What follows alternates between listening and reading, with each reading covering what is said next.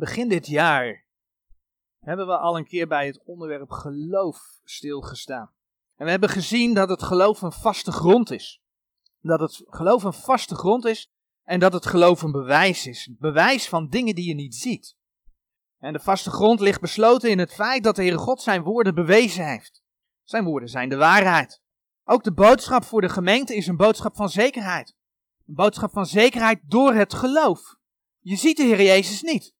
En toch heb je op basis van het getuigenis van Gods woorden de Heer Jezus als je persoonlijke verlosser aangenomen. In Efeze 2 vers 8 en 9, een hele bekende versen. Daar lezen we ook.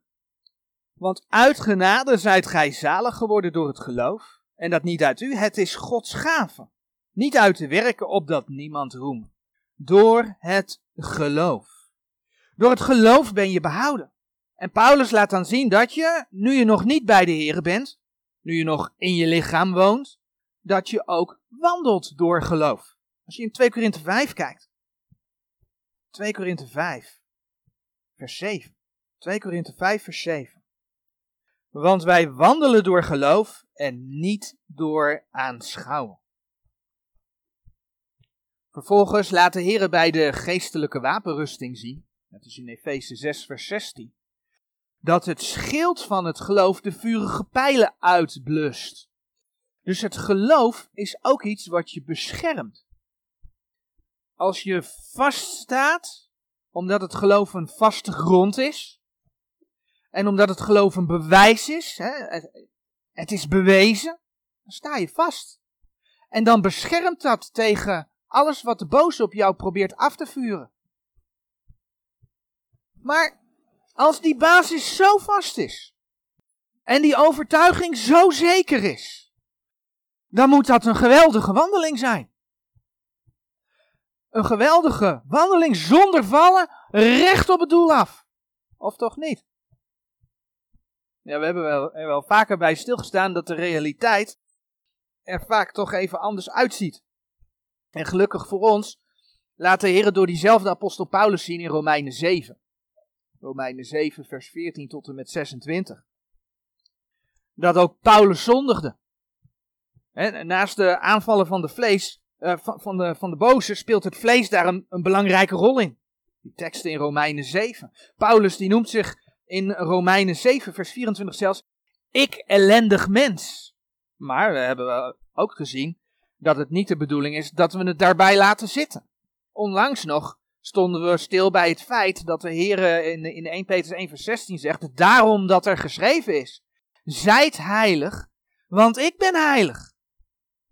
En daarom is het mooi dat de Heer laat zien dat je geloof ook mag groeien. Geloof is iets wat mag groeien. In 2 Thessalonicense 1 vers 3. 2 Thessalonicense 1 vers 3, daar lezen we het volgende. Daar zegt Paulus tegen de Thessalonicense. 2 Thessalonicense 1 vers 3. Wij moeten God alle tijd danken over u broeders, gelijk billig is. Omdat uw geloof zeer wast. Wassen, dat is groei, toenemen. Omdat uw geloof zeer wast. En dat de liefde van een iegelijk van u allen jegens elkander overvloedig wordt. En Paulus geeft aan dat het geloof van de Thessalonicense zeer waste. Het groeide snel, het nam snel toe.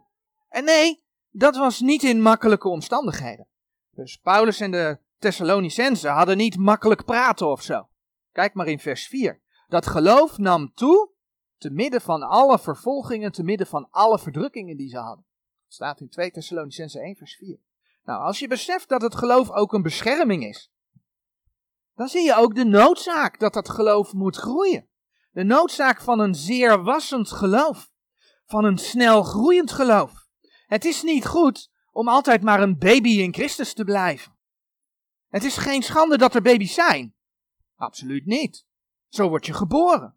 vergelijk het met de aardse groei. Je komt op de wereld als baby.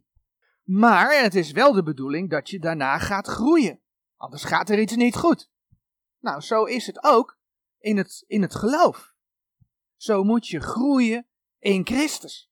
Nou, nou laat de Bijbel een aantal situaties zien waarin gesproken wordt over gij klein gelovigen. En is het goed om die situaties te bekijken, want als je dat herkent, kun je de Heer beleiden. Maar ook vragen voor groei in je geloof. Zoals de apostelen dat bijvoorbeeld deden in Lucas 17. En dat vers dat lezen we. Lucas 17, vers 5. Hij staat overigens op de dia. Maar zoek het op in Gods woord, kun je meteen zien of ik het goed heb overgenomen. Lucas 17, vers 5. En de apostelen zeiden tot de Heeren, vermeerder ons het geloof. Eigenlijk een gebed. Ze zeiden het tegen de Heer Jezus. Vermeerder ons het geloof. Nou, een eerste gedeelte waar we dat tegenkomen, dat de Heer zegt, gij kleingelovigen, vinden we in Matthäus 6, vers 24 tot en met 34. Matthäus 6. En dan lezen we vanaf vers 24. Niemand kan twee heren dienen, want of hij zal de ene haten en de andere liefhebben, of hij zal de ene aanhangen en de andere verachten. Gij kunt niet God dienen en de mammon. Daarom zeg ik u, zijt niet bezorgd voor uw leven, wat gij eten en wat gij drinken zult, noch voor uw lichaam waarmede gij u kleden zult. Is het leven niet meer dan het voedsel en het lichaam dan de kleding? Aanziet de vogelen des hemels dat zij niet zaaien noch maaien, noch verzamelen in de schuren, en uw hemelse vader voedt nochtans dezelfde. Gaat gij dezelfde niet zeer veel te boven? Wie toch van u kan met bezorgde zijn één el tot zijn lengte toedoen?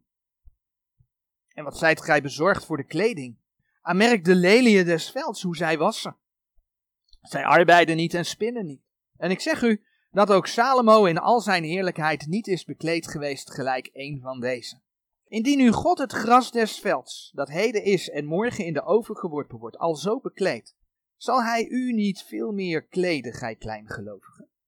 Daarom zijt niet bezorgd, zeggende, wat zullen wij eten of wat zullen wij drinken, of waarmede zullen wij ons kleden. Want al deze dingen zoeken de heidenen, want uw hemelse Vader weet dat gij al deze dingen behoeft. Maar zoekt eerst het koninkrijk Gods en zijn gerechtigheid, en al deze dingen zullen u toegeworpen worden. Zijt dan niet bezorgd tegen de morgen, want de morgen zal voor het zijne zorgen. Elke dag heeft genoeg aan zijn zelfs kwaad. Dit gedeelte komt uit de evangelie. Nog voor het kruis, nog voor de opstanding van de Heer Jezus. En toch kunnen we ervan uitgaan dat hier een boodschap in zit, ook voor de gemeente. We hebben het er wel eens over gehad, hè? De bergreden, Matthäus, verkondiging van het koninkrijk, koninkrijksevangelie is niet altijd op de gemeente van toepassing. Waarom deze verse wel? Omdat dit gedeelte erover spreekt om je geen zorgen te maken als het gaat om eten, kleding en drinken. En kijk wat de Heer bijvoorbeeld in 1 Timotheus 6 eh, tegen de gemeente zegt. 1 Timotheus 6 vers 8. 1 Timotheus 6 vers 8. Maar als wij voedsel en deksel hebben, wij zullen daarmee vergenoegd zijn. Maar ook lezen we bijvoorbeeld in Filippenzen 4 vers 6. Wees in geen ding bezorgd, Filippenzen 4 vers 6. Wees in geen ding bezorgd, maar laat uw begeerte in alles door bidden en smeken met dankzegging bekend worden bij God. We zien duidelijk de overeenkomst. En daarmee kunnen we het gedeelte in Matthäus 6 wel degelijk ook betrekken op de gemeente. Nou, in Matthäus 6 vers 24 hebben we gelezen dat we geen twee heren kunnen dienen. We kunnen niet de heren dienen en de mammon. Nou, de mammon dat staat voor de rijkdom. Als je de rijkdom aanhangt, dan zegt de Heere in dat vers dat je God zult verachten. Dat is nogal wat, maar het staat er. Maar zo geldt het ook als je de Heere kent. Als je de Heere kent, dan zal rijkdom, ja, geen betekenis voor je hebben. Dan zul je de rijkdom verachten. Dat werkt twee kanten op. En versen die je daarbij zou kunnen lezen is ook 1 Timotheus 6, vers 17 tot en met 19. En daarom zegt de Heer: maak je geen zorgen. De Heer zorgt zelfs voor het voedsel van de vogels. Hij zorgt voor de bekleding van de leliën. En hij zegt als je die rijkdom bekijkt, zelfs de pracht en praal van Salomo was er niks bij. En als de Heer zo voor zijn schepping zorgt, als de Heer zo voor zijn schepping zorgt, hoeveel meer zal de Heer voor, voor de zijne zorgen? Matthäus 6 vers 31. Ja, en als ik dan naar mezelf kijk, Ik herken dat in mijn eigen leven. Ik heb een hele tijd geroepen, ik werk waar ik werk en dat is prima zo. Ik hoef daar niet verder in, want dan heb ik vrije tijd om met Gods woord bezig te zijn. Dan kom je op een afdeling en daar is een leidinggevende en die ziet, ja, die jongen die heeft meer in zijn mars. Dus uh, kun jij niet dit of dat gaan doen? Nou, dan ga je op een gegeven moment ga je daarin mee. Nou ja, dan wordt je wat aangeboden, kun je ook een beetje meer gaan verdienen. Hè? Ondertussen zijn de, zijn de uh, gezin, kinderen, kun je wat meer gaan verdienen. Maar je wilt wat meer, dus er komen meer cursussen. Dat je meer cursussen gaat doen, op een gegeven moment weer een stukje meer verdienen.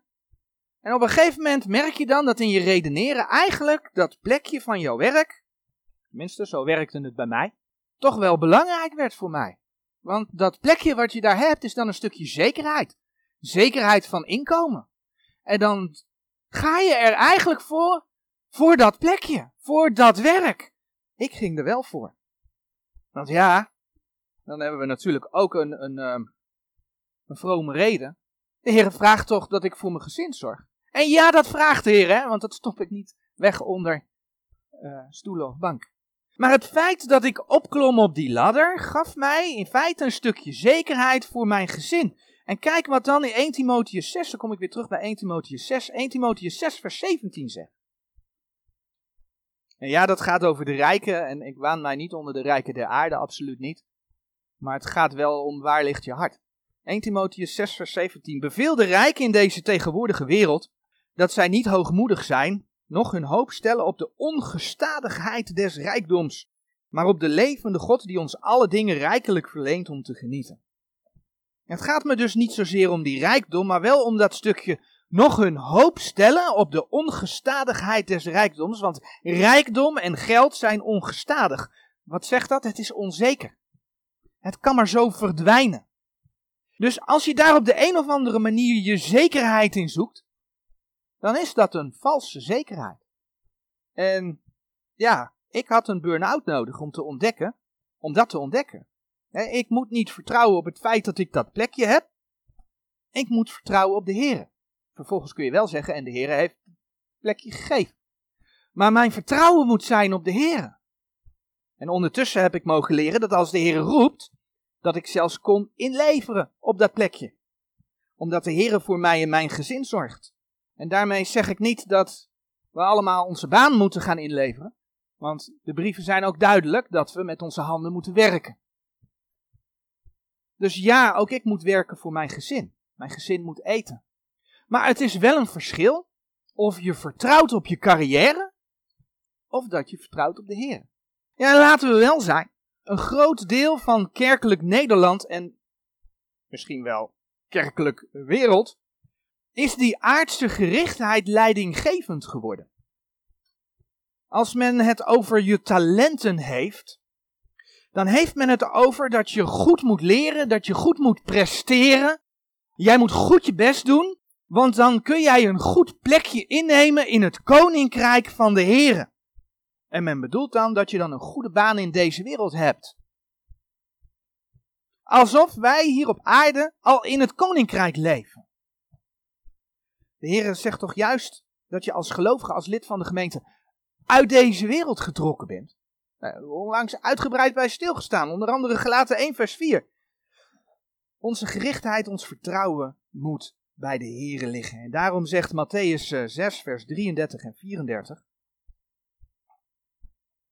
Matthäus 6, vers 33 en 34. Maar zoekt eerst het koninkrijk Gods en zijn gerechtigheid, en al deze dingen zullen u toegeworpen worden. Zijt dan niet bezorgd tegen de morgen, want de morgen zal voor het zijne zorgen. Elke dag heeft genoeg aan zijn zelfs kwaad. Oftewel, zet je talenten in voor de Heere.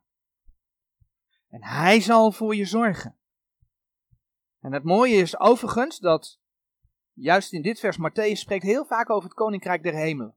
Maar juist in dit vers wordt het koninkrijk Gods genoemd. En dat bevestigt dat het ook op de gemeente van toepassing is. En binnenkort hoop ik, uh, als we het weer hebben over het recht snijden van Gods woord, om daar verder op in te gaan. Dat heb ik beloofd, om het onderscheid tussen dat koninkrijk Gods en het koninkrijk der hemelen te laten zien.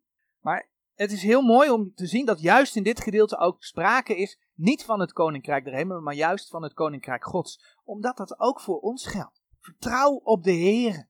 En wanneer je vertrouwt op de Heer dat Hij uitkomst geeft in de nood, dat Hij voor je zorgt, dat Hij je werk geeft, dan sta je in het geloof. En in het geloof ben je dan ook tevreden met wat je hebt. Maar wanneer je continu zorgen maakt, continu bezig bent met meer verzamelen, een nog stevigere basis creëren, om daardoor voor jezelf en je gezin te kunnen zorgen, hoor je het goed? Ik zorg dan voor die stevige basis. Hoezo? Ik zorg voor een stevige basis. God hoeft maar dit te doen. Maar als je daarmee bezig bent en je daar zorgen over maakt, dan hoef je niet eens een rijke der aarde te zijn, maar dan dien je de mammon en niet de Heere. Dan ben je een kleingelovige, Matthäus 6 vers 30 zegt. Indien nu God het gras des velds dat heden is en morgen in de oven geworpen wordt, al zo bekleed, zal hij u niet veel meer kleden, gij kleingelovige. Als je dat in je leven merkt, dan mag je, dat je die basis verkeerd hebt liggen, dan mag je de Heer bidden dat de Heer je helpt daarvan los te komen dat Hij je helpt om te groeien in je geloof. Dan mag je de Heer bidden, vermeerder mij het geloof. Een volgend gedeelte, wat over kleingelovigen gaat, vinden we in Matthäus 8. Matthäus 8 vanaf vers 23 en ook dat gedeelte willen we even lezen. Matthäus 8 vanaf vers 23. En als hij in het schip gegaan was, zijn hem zijn discipelen gevolgd. En zie, er ontstond een grote onstuimigheid in de zee, alzo dat het schip van de golven bedekt werd, doch hij sliep. En zijn discipelen bij hem komende hebben hem opgewekt, zeggende, Heere, behoed ons, we vergaan. En hij zeide tot hen, wat zijt gij vreesachtig, gij kleingelovigen. Toen stond hij op, bestrafte de winden en de zee, en er werd grote stilte. En de mensen verwonderden zich, zeggende, Hoedanig één is deze dat ook de winden en de zee hem gehoorzaam zijn. Er was een grote storm op zee. En de discipelen werden bang. En dan moet je eigenlijk kijken wat de Heer net daarvoor gezegd had. In Matthäus 8, vers 22. Volg mij. Dat is wat je daarvoor leest. Volg mij en dan krijg je de geschiedenis over die grote storm op zee. Ze zijn hem gevolgd. Dat lees je in vers 23. En als hij in het schip gegaan was, zijn hem zijn discipelen gevolgd. En dan komt die grote storm. Nou, in vers 26 hebben we gelezen dat de Heer Jezus zei: Wat zijt gij vreesachtig, gij kleingelovigen? Toen stond hij op, bestrafte de winden en de zee en er werd grote stilte. Dit is een gedeelte dat laat zien dat de Heer Jezus de macht had over de natuur. Daarmee bewees hij dus dat hij God was. Hij kon de winden bevel geven. En het werd stil. Het hield op met de storm. Maar omdat de discipelen zich lieten imponeren door dat natuurgeweld, noemde de Heer Jezus hen gij klein gelovigen. Een andere geschiedenis waar we dat tegenkomen vinden we een paar hoofdstukken verder in Matthäus 14. Daar is ook sprake van een storm en dan wandelt de Heer Jezus op de zee. En dat staat dan in Matthäus 14, vers 22 tot en met 33. In dit geval waren de discipelen zonder de Heer Jezus in de boot. En op een gegeven moment komt de Heer Jezus al lopend over de zee, komt bij hen en dan worden die discipelen bang. Dat lees je in, uh, in uh, hoofdstuk 14, vers 26. Maar toen de Jezus zichzelf bekend had gemaakt, toen vroeg Petrus of hij naar de Heer Jezus mocht gaan. In Matthäus 14, vers 28. En dat mocht Petrus en hij ging. Dat betekent dus dat Petrus op die zee stapte. Dat deed hij in geloof op de Heer Jezus. Want de Heer Jezus had gezegd: Kom. En hij deed het. Dat was in geloof. En wat gebeurt er? Petrus ziet de wind, Petrus ziet de golven en hij zakt weg in de zee. En hij riep de Heer aan. Matthäus 14, vers 30. En kijk dan wat de reactie van de Heer Jezus daarop is. In Matthäus 14, vers 31. En Jezus terstond de hand uitstekende greep hem aan en zeide tot hem: Gij klein gelovige, waarom hebt gij gewankeld? Petrus zag op de wind, Petrus zag op de golven en vertrouwde daardoor niet op de Heere en de Heere noemde hem een klein gelovige. Maar ja, ook wij komen al wandelend in het geloof, komen moeilijkheden tegen. Wind en golven. En soms zelfs hoge golven.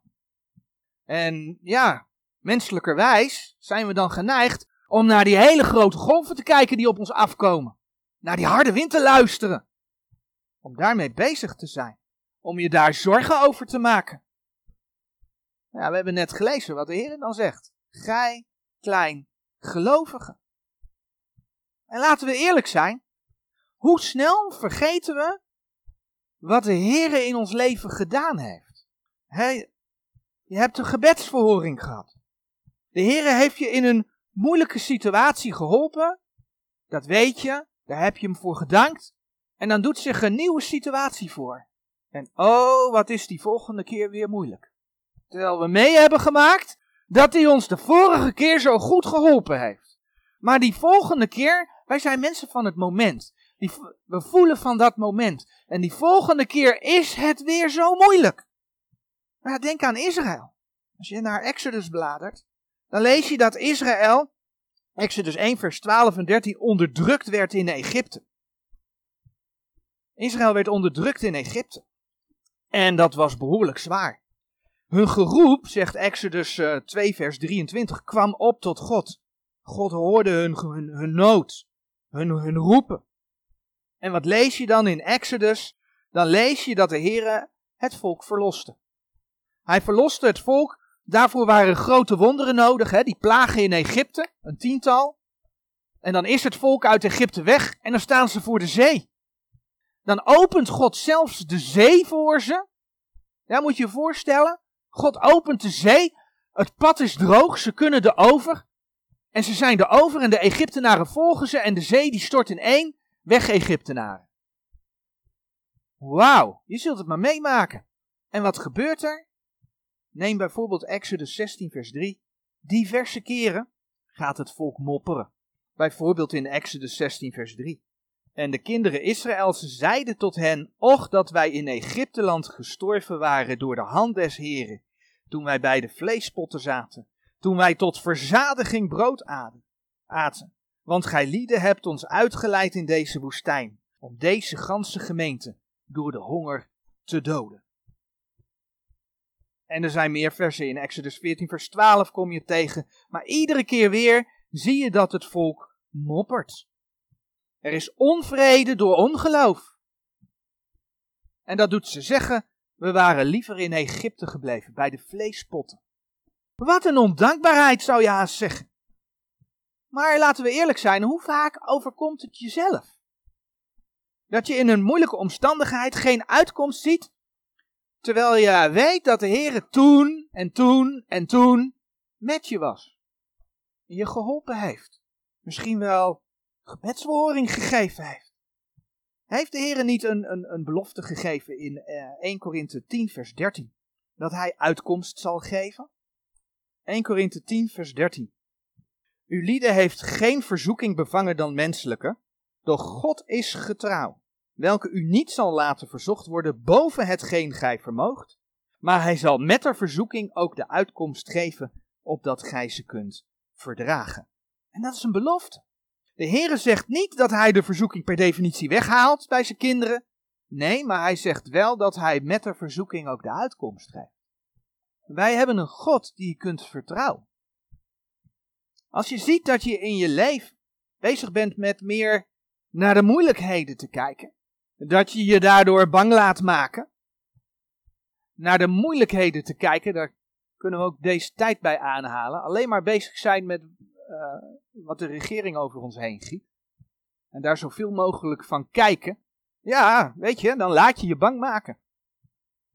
Want oh, als het nu toch is zus of zo. Maar voorlopig is er nog steeds geen verplichte inenting in Nederland. Oh, als het nou toch is zus of zo. We moeten wandelen in vertrouwen. Als je merkt dat je meer op die moeilijkheden gericht bent, dat je minder of geen vertrouwen op de Heer hebt, dan mag je dat dus beleiden en vragen: Heere, vermeerder mij het geloof. Help mij op u te vertrouwen. Vertrouw op de Heere om er doorheen te komen. Die spreuken 3, dat, dat, spreuken is een geweldig boek. Daar lezen we die mooie versen, spreuken 3, vers 5 en 6. Vertrouw op de Heere met het linkerhoekje van je hart. Oh nee, dat staat er niet. Vertrouw op de Heer met uw ganse hart. Geheel. En steun op uw verstand niet. Ken hem in al uw wegen en hij zal uw paden recht maken. Dan zoeken we nog een laatste voorbeeld op. En dat is Matthäus 16, vers 8. Dan gaan we weer terug naar Matthäus. Matthäus 16, vers 8. En daar staat geschreven. En Jezus dat wetende zeide tot hen: Wat overlegt gij bij uzelf, gij kleingelovigen, dat gij geen broden meegenomen hebt? Hier zie je dat kleingelovigen weer terugkomen. Hier in de context heeft de Heer Jezus een wonderteken geweigerd aan de fariseeën, aan de schriftgeleerden. Ondanks alles wat de Heer Jezus al gedaan had, durfde zij nogmaals aan de Heer te vragen, geef ons een teken. Dat lees je in uh, Matthäus 16 vers 1. Nou, de Heer Jezus spreekt dan over de tekenen der tijden, hè, want ze hadden kunnen weten, ze hadden kunnen weten dat hij de Messias was. Alles wat de Heer Jezus deed, daarmee vervulde hij de profeet, bijvoorbeeld de profeet Jezaja. Ze hadden het kunnen weten.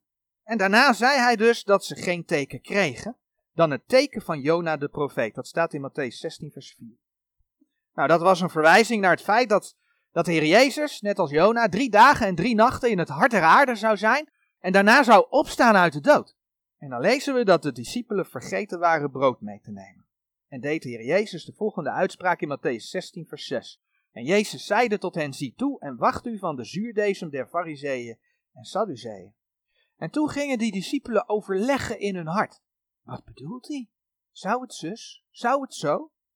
En ze dachten dat hij doelde op het feit dat zij de broden vergeten waren. Matthäus 16, vers 7. En dan volgt die uitspraak in Matthäus 16, vers 8. Opnieuw met daarin, gij klein gelovigen. En de Heer Jezus had notabene 5000 mannen. Vrouwen en kinderen waren daar niet in meegeteld, dus de groep was nog vele malen groter gevoed met vijf broden en twee vissen. Dat lees je in Matthäus 14, 14 vers 21.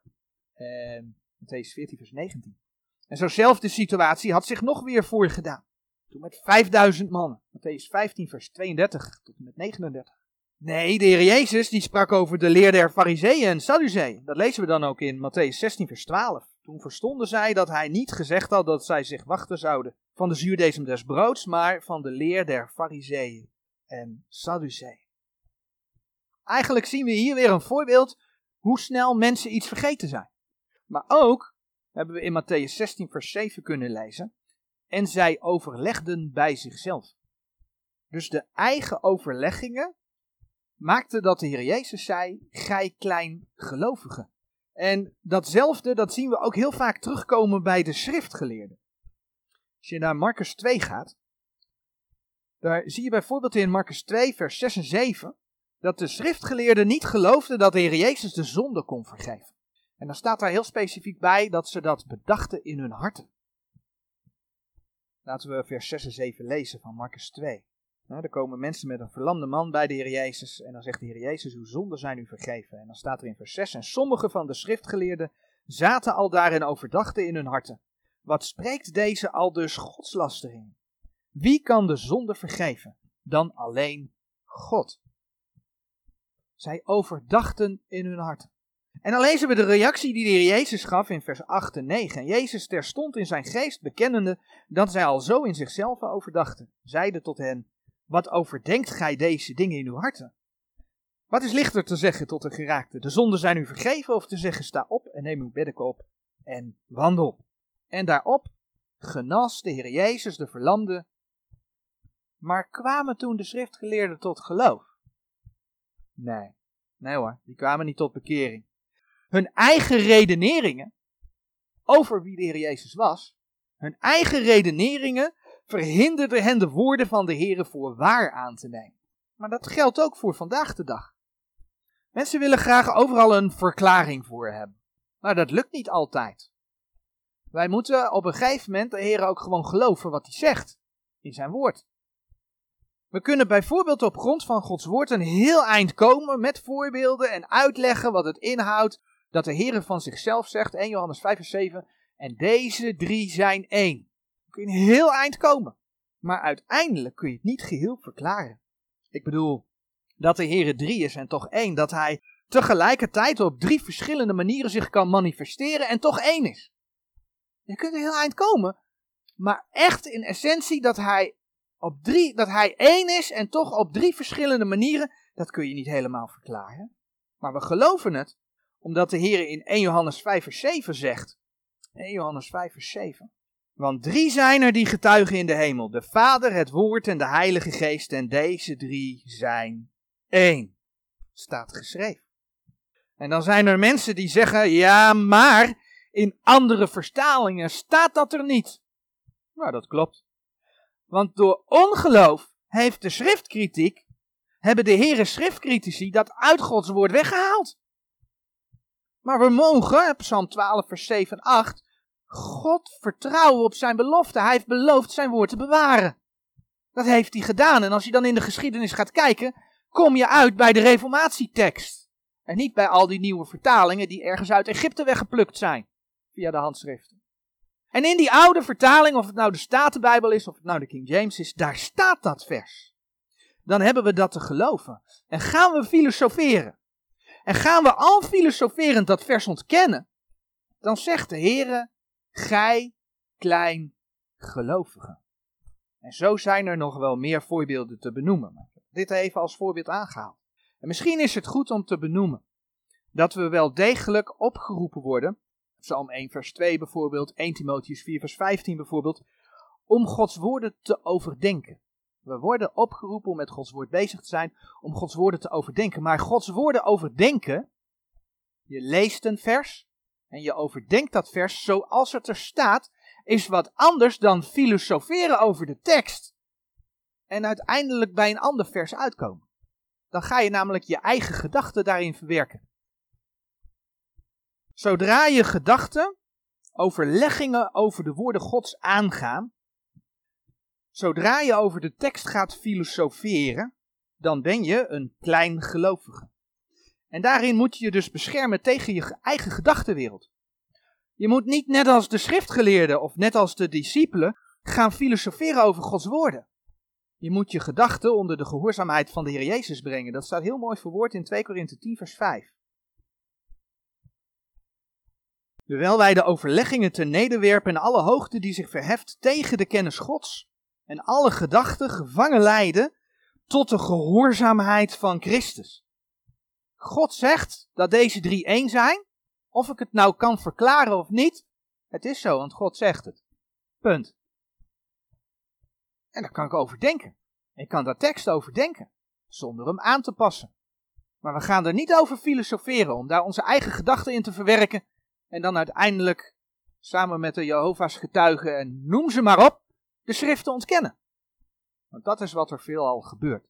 Dus breng je gedachten onder de gehoorzaamheid tot de gehoorzaamheid van Christus. Je moet aannemen wat hij gezegd heeft, zoals Paulus uh, tegen de Thessalonicensen zei.